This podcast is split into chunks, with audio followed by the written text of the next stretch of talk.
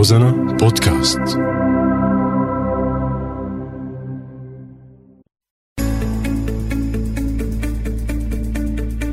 سوريات. كافحوا وبإصرار واجهوا حياتهم ومشاكلها. ليكونوا علامة فارقة. تعالوا نسمع قصصهم وهن عم يحكوا لنا كيف تجاوزوا مصاعبهم وحققوا هالنجاح.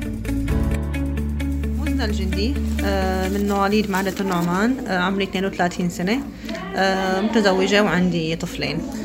تخرجت من كلية الهندسة التقنية اختصاص تكنولوجيا حيوية من جامعة حلب أكثر حدا دائما كان يشجعني على الدراسة وحتى من قبل الجامعة وهيك هي ماما أكثر شيء. يعني والدتي كثير كانت دائما حريصة أنا أتخرج من الجامعة يكون معي شهادة جامعية يكون في لي دور في بالمجتمع يكون لي دور ببناء المجتمع.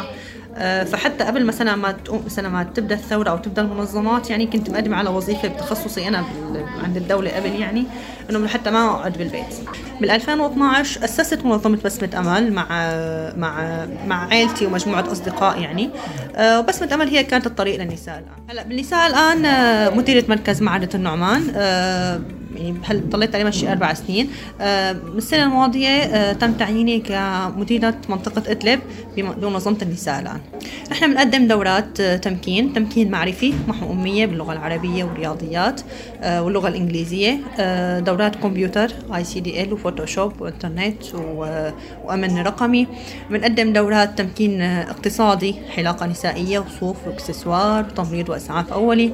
بنقدم خدمات الدعم النفسي والاجتماعي من خلال وجود وجود إدارة حالة وجود مرشدة نفسية وجود عاملة صحة مجتمعية بتقدم جلسات توعية. بنقدم أيضا بناء قدرات من خلال برنامج القيادات النسائية بيتضمن عدة مهارات. وهدفها بالنهاية هو آه، تأهيل النساء ليكونوا بأماكن صنع القرار في المجتمع. بديع الجندي أخوة الأنسة مزنة. مزنة هي أختي الكبرى وأختي الوحيدة وأختي الحنونة. مزنة بالنسبة إن هي إنسانة مبدعة متميزة ودائما عندها ريادة بأفكارها. كنا دائما نشجعها نحاول نأمن لها البيئة المناسبة لعملها من كافة النواحي نحاول نساعدها إنه تتغلب على الصعوبات اللي هي عم بتواجهها تفكيرنا بعملها كان هو إمكاناتها وقدراتها المتميزة. وأكيد أنا مع عمل المرأة. أنا زوجتي دكتورة وحاليا بتختص على الشغل. فالمرأة شريك أساسي للرجل في بناء المجتمع. أكيد فينا نطور. نحن مثلا لما بتجي عنا نساء آه، بيكونوا ما معهم مؤهل علمي مثلا بكالوريا أو معاهد وهيك شيء بيتوجهوا نحو المهني. لما عم بيكون في نساء معاهم بكالوريا مثلا ومعهد أو جامعة عم توجههم نحو قسم بناء القدرات وحضور التدريبات. هلأ حضور التدريبات دائما عم بيخلي عند الصبايا مهارات وقدرات يشتغلوا فيها بمنظمات المجتمع المدني. وكثير في عنا صبايا حضروا عنا مجموعة تدريبات واشتغلوا بعدين بمنظمات مثل ما قلت لك اشتغلوا حتى عنا بالمركز هون. أنا نبال جعفر زميلة مزنة بمركز النساء الآن. من خلال عملي معها من خمس سنين آه، لحد الآن شفت قديش هي شخص متفاني آه، شخص صادق بعمله. وفعلا هي لما بتقدم عمل هي فعلا بتقدمه على أحسن على أحسن وجه. كون نحن عملنا هو بيكون على احتكاك مباشر مع مع مع السيدات. فهي فعلا يعني بتكون صادقة مع مع المستفيدات. وهذا الأمر خلى تصير في علاقة احترام وثقة بينها وبين الناس.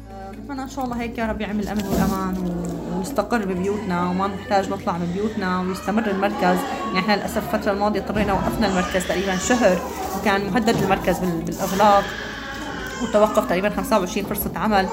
فنتمنى إن شاء الله إنه يكون في أمان آه، تكون هاي المنطقة آمنة آه، ونستمر إن شاء الله بتقديم كل الخدمات وكل شيء بيفيد النساء والفتيات بسوريا وبالمعرة. وحتى إن شاء الله يعني يكون في هيك مشاريع للشباب لفئة الذكور والشباب لأنه كمان كثير مظلومين للأسف بهي المشاريع. تابعونا بكل حلقة قصه نجاح جديدة بتخلينا نتعرف على سوريا من خلالها.